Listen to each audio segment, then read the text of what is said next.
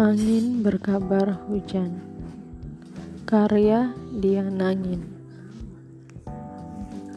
Sepasang tangan lelaki tua itu berkacak pinggang. Tangan tersebut warna kelam Serupa malam yang akan segera datang Menggantikan petang. Sulur-sulur pembuluh darah tampak menonjol di balik kulitnya yang penuh kerut Bukti kerja keras yang masih ia lakoni hingga usia hampir tujuh dekade kini. Baru saja ia selesai menggali lubang-lubang kecil dan menjatuhkan butir-butir biji kacang panjang ke dalamnya. Butuh usaha yang sedikit ekstra karena tanah begitu kering dan keras ketika digali. Sudah cukup lama hujan tidak turun, namun bagaimanapun mereka tidak bisa berhenti menanam. Itulah yang ia lakukan bersama istrinya selama puluhan tahun mengelola tanah dengan bermandi peluh dan berhujan air mata. Menghidupi anak-anak mereka dengan bertani tanpa pilihan yang diwariskan para pendahulu mereka. Ya, apalah yang bisa dilakukan orang-orang kampung yang bahkan tak mencicipi bangku pendidikan setidaknya hingga sekolah menengah pertama. Beragam jenis tanaman telah melewati proses tumbuh, rat, rawat, panen di tangan mereka. Kadang upaya itu memberi hasil yang cukup memuaskan, namun tak jarang juga berakhir buruk dan menyebabkan kerugian. Roda kehidupan berputar. Sejak awal, mereka tak membangun mimpi untuk menjejakkan kaki di puncak kemakmuran atau memanjat ke puncak-puncak tertinggi kekayaan menurut standar duniawi. Sadar mereka tak akan mampu, sebab mereka sendiri tengah berjuang keluar dari lubang dalam yang tengah merangkap mereka. Pasangan itu merelakan bahu-bahu mereka menjadi batu pijakan untuk mengeluarkan anak-anak mereka dari lubang yang membatasi ruang gerak. Tak mengapa kaki mereka tertanam lebih dalam karenanya. Yang penting, para buah hati itu sanggup mereka julang tinggi. Biar mereka sanggup keluar melihat dunia, mencicipi hiruk pikuknya dan kemudian sesekali pulang menjenguk mereka sambil membawa cerita-cerita hebat. Biarlah mereka menunggu di kampung bertemankan cericit burung, konser kata-kata yang begitu meriah menjelang hujan serta gemerisik daun-daun bambu. Setelah berjuang bertahun-tahun, pasangan petani tua itu cukup berbangga hati melihat anak-anak merenguk sukses menurut ukuran mereka. Meraih gelar sarjana, memiliki pekerjaan tetap, serta cukup uang untuk tuntutan kehidupan di ibu kota. Hingga akhirnya tiba waktu untuk berpisah setelah bertahun-tahun hidup di bawah atap yang sama.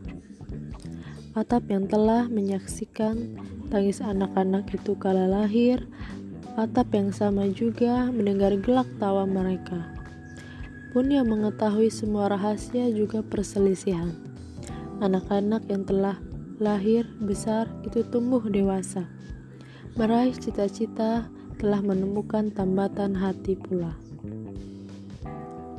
Mereka hanya geleng-geleng kepala ketika menjelang hari pernikahan putra-putrinya, karena muncul debat panjang hanya karena masalah pilihan gedung resepsi, catering, judul rias, pakaian pengantin, tim dokumentasi, dan seribu satu urusan lainnya yang tak kepalang banyak bila dijabarkan secara mendetail. Problema kekinian, begitu mereka menyebutnya.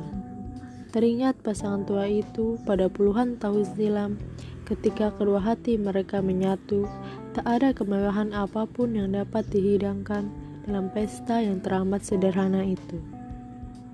Bukankah pernikahan pada intinya adalah tujuannya?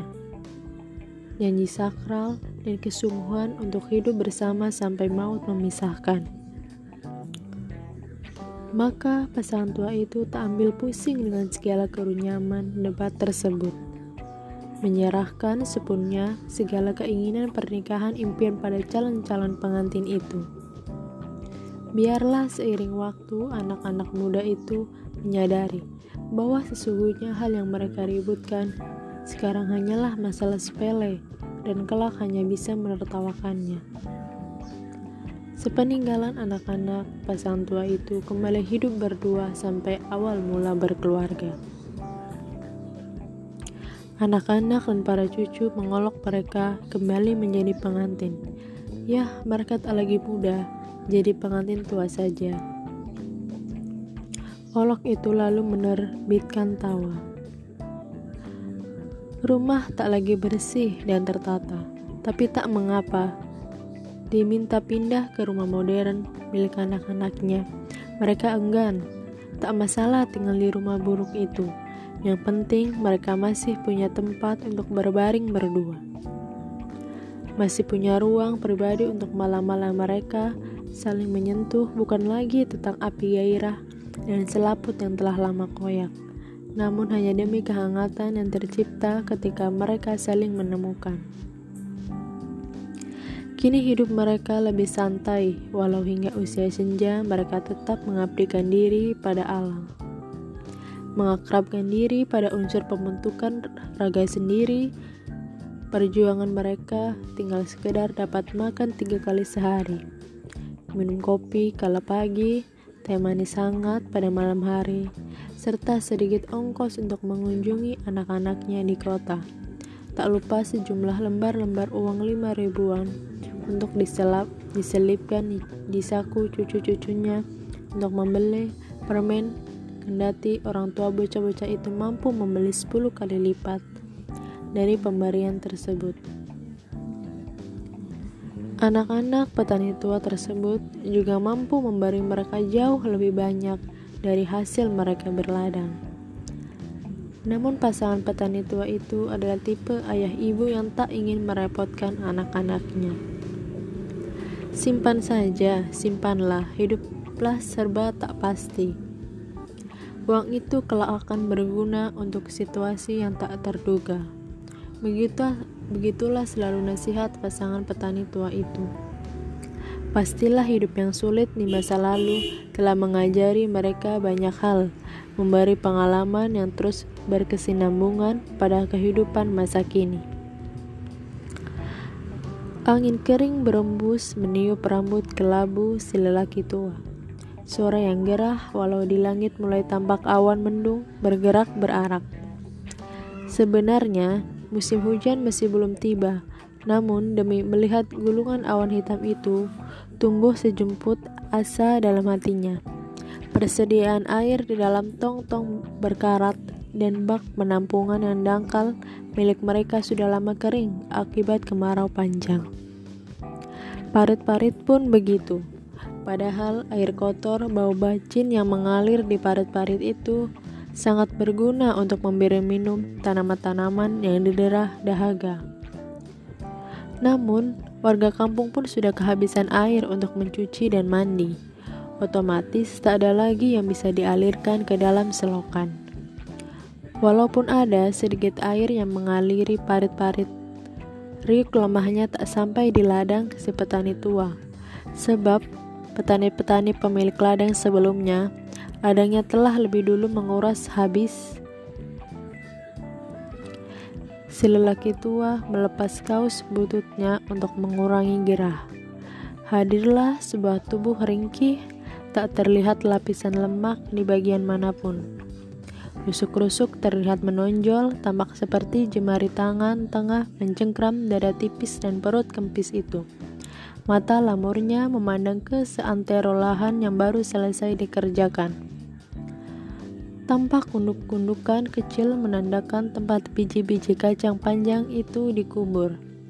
Ia membayangkan dalam beberapa hari akan muncul puncuk-puncuk kecil berwarna hijau dari puncuk gundukan itu puncuk yang kelak tumbuh tinggi melihat tiang-tiang penyangganya. Semoga angin ini membawa kabar bahwa hujan akan segera turun, katanya penuh harap. Kalau hujan masih enggan merinai, semoga semesta masih berkenan mengguyurkan embun-embun agar biji-biji yang baru ditanam itu sudah mengeluarkan tunasnya. Ia menoleh ke arah selatan ladang. Tampak istrinya sibuk membersihkan kundukan lain yang ditanami wortel. Sesungguhnya tak banyak gulma di sana, sebab gulma pun enggan tumbuh di musim kemarau. Sesekali perempuan tua itu membelai satu dua batang wortel yang tampak lesu karena sudah lama tak berjumpa dengan air. Ia mengusap-ngusap helai-helai daunnya penuh sayang, seolah tengah memujuk agar mereka tidak menyerah pada kehidupan kendati cuaca sedang tidak bersahabat. Pada tanaman-tanaman itu bertahun-tahun mereka menunjukkan cinta penuh dedikasi.